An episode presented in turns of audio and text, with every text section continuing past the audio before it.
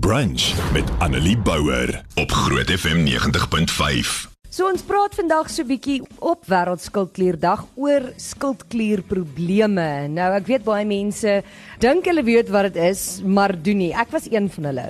Ek gaan ek, ek gee nie om om te sê nie, ek het skildklierprobleme. En ek het eers geleer wat dit regtig beteken toe ek gediagnoseer is. Want ek gaan nou eerlik wees en baie mense gaan vies wees as ek dit sê, maar dis die waarheid. Ek het regtig en ek weet baie mense dink ook so gedink skildklier as ek hoor iemand het skildklierprobleme dan het altyd vir my net geklink soos 'n verskoning. Vir my gevoel mense sê vinnig hulle het skildklierprobleme as hulle gewigsprobleme het. En dis die een ding wat ons weet van 'n skildklier en dit is dat dit jou gewig kan beïnvloed. So ons weet nou al skildklier kan gewig beïnvloed en dit voel vir my ek dink dis wat almal weet, maar die ironie is dat dit is die kleinste van al die probleme is gewigsprobleme. Dit is regtig die minste van jou probleme as jy skildklierprobleme het. So, op wêreldskildklierdag uh, praat ons bietjie oor wat is 'n skildklier? Nou, as jy nie weet wat 'n skildklier is nie, dit lyk amper soos 'n skoenlapper of 'n strukdas wat so half net onder jou armsappel voor jou lugpyp in jou keel sit. Maar kan ek gou vir jou sê hierdie klier kan groot probleme veroorsaak en amok in jou liggaam saai op maniere wat jy nie sou verwag nie. So, Gewigstoename, ja, dit weet baie van ons of selfs tekens van depressie of demensie. Soms kan ehm um, die sondaar vir die simptome jou tiroïedklier of terwyl dan nou jou skildklier wees. Nou baie mense dra swaar aan probleme wat veroorsaak word deur 'n oor- of onderaktiewe skildklier. En ek dink baie mense weet van die gewigsprobleme met 'n onderaktiewe skildklier, maar nie noodwendig 'n ooraktiewe skildklier nie. Maar die probleme kan gewoonlik dan nou ook behandel word as jy weet dat dit is wat dit is. So, Dr Wimpie de Lange, hy's 'n endokrinoloog en dis een van die van die goeters wat hulle aan werk is skildklier. Nou hy sê 'n uh, skildklier is 'n endokriene klier wat met ander woorde 'n klier wat hormone vervaardig en afskei. En is nie net vrouens wat skildklierprobleme kan hê nie, alhoewel meer vrouens daardeur geraak word. Nou Dr. Jacominde Villiers uh, het ook op 'n stadium met Netwerk 24 gesels en sy is 'n internis van Pretoria. Sy sê dat hierdie hormone is soos chemiese boodskappers wat sekere funksies in jou liggaam verrig en mense besef nie hoe belangrik jou skildklier is nie. Nou jou skildklier skei twee hormone af en ek gaan nou probeer om jou nie te veel te verveel nie, maar dis belangrik dat jy hierdie weet. Die eerste een, ehm um, hulle die hierdie tiroïedhormone, hulle noem dit die T3 en die T4 word deur jou skildklier afgeskei en dit glo dit of nie is verantwoordelik vir die werking van jou liggaam se metabolisme of terwyl hoe vinnig of hoe stadig jou liggaam dan nou energie verbruik. Die werking van jou skildklier word ook beheer deur hormone wat vervaardig word deur kliere wat in jou brein is. So dit is nogal 'n uh, belangrike ding en soos wat ek gesê het, dit is nie net gewigsprobleme nie. Jy het nou gehoor demensie, uh hartprobleme, sulke tipe goeters kan ook deur jou skildklier veroorsaak word. So, by wie kom skildklierprobleme voor?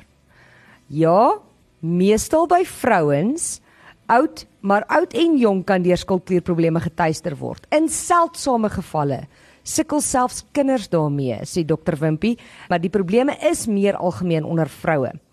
Skildklierprobleme word soms deur auto-immuunsiektes soos Graves se siekte, Hashimoto, lupus ensovoorts veroorsaak. En as jy familiegeskiedenis het hiervan, is jou kans groter om dit ook te kry. Nou dokter Wimpie sê sekere medikasies soos die met lithium wat soms vir gemoedstoornisse voorgeskryf word, kan die produksie van jou skildklierhormoon beïnvloed.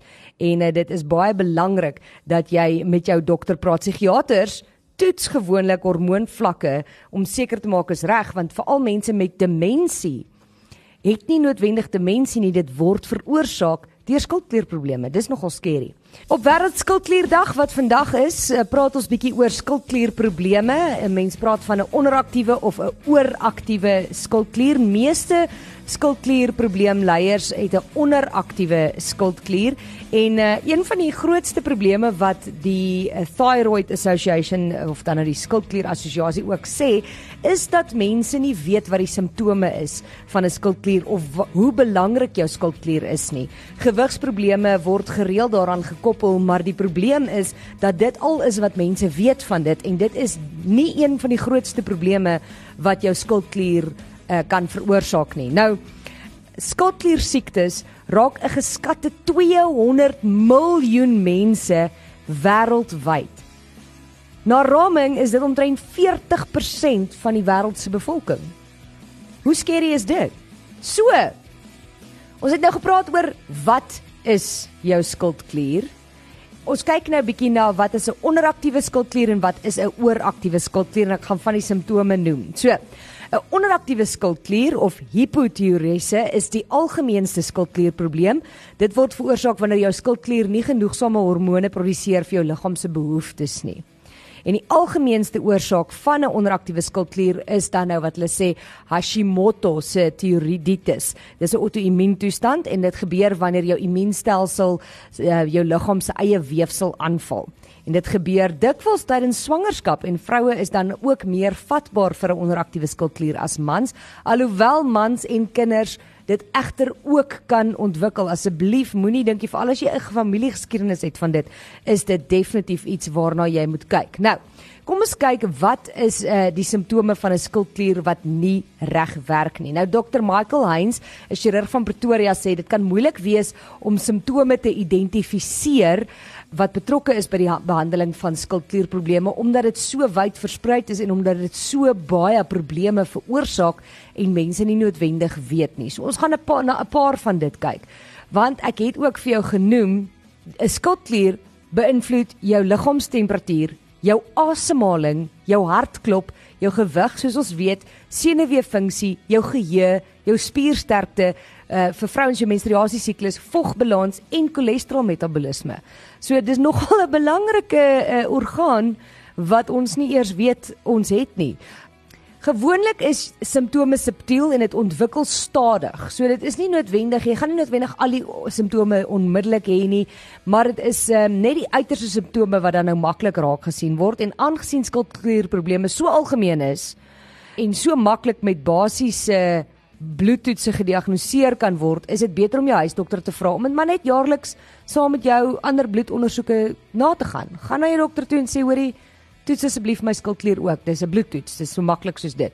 Dis eintlik so maklik om te diagnoseer. So, met 'n onderaktiewe skildklier wat ons nou gehoor het meeste mense het, neem jou gewig toe. Nou dit het ons nou al baie gehoor. Onderaktiewe skildklier kan veroorsaak dat jy sukkel met gewigsprobleme. Jy kry maklik koud. Dis wat ek het. Ek kry verskriklik maklik koud want onthou nou jou skildklier beïnvloed jou liggaamstemperatuur. So 'n onderaktiewe skildklier maak dat jy maklik koud kry. Jou hartklop en jou asemhaling raak stadiger. Jou eetlus neem af alhoewel jou gewig toeneem. So jou eetlus neem af. Jy kan hartlywig wees jou haar groei neem af of jou hare val uit, jy sukkel om te konsentreer, jy slaperig en moeg, jy is depressief en jou oë lyk pofferig. Dis net van die simptome wat die maklikste uh, opgetel word. So dis hoekom ek hierdie vir jou noem. Daar is ander ook, maar hierdie is nogal belangrik om vooruit te kyk. En in sommige gevalle van 'n onderaktiewe skildklier word die pasiënt se reaksies ook traag en as jy dit baie baie baie erg het, dis nie so algemeen nie, maar as jy dit baie erg het, kan 'n koma volg. So dit is baie belangrik dat jy hiervan weet en dit is nogal skerry. Goed. Nou 'n ooraktiewe skildklier is minder van die populasie wat dit het, maar 'n ooraktiewe skildklier se simptome sê jy is nou weer net die teenoorgestelde. Jy sukkel om gewig aan te sit. Met ander woorde jy bly maar of te maar eintlik. Jy kry maklik warm waar onderaktief natuurlik maklik koud kry. Jou hartklop en jou asemhaling raak vinniger.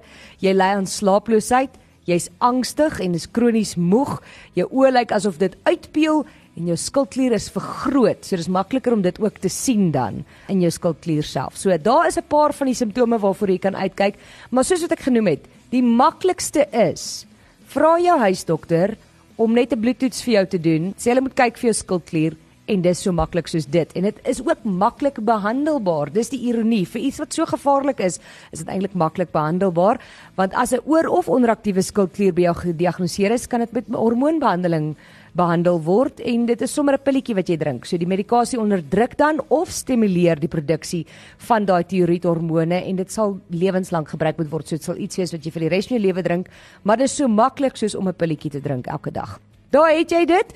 Annelie Bouwer. Weekoggend tussen 9 en 12 op Groot FM 90.5.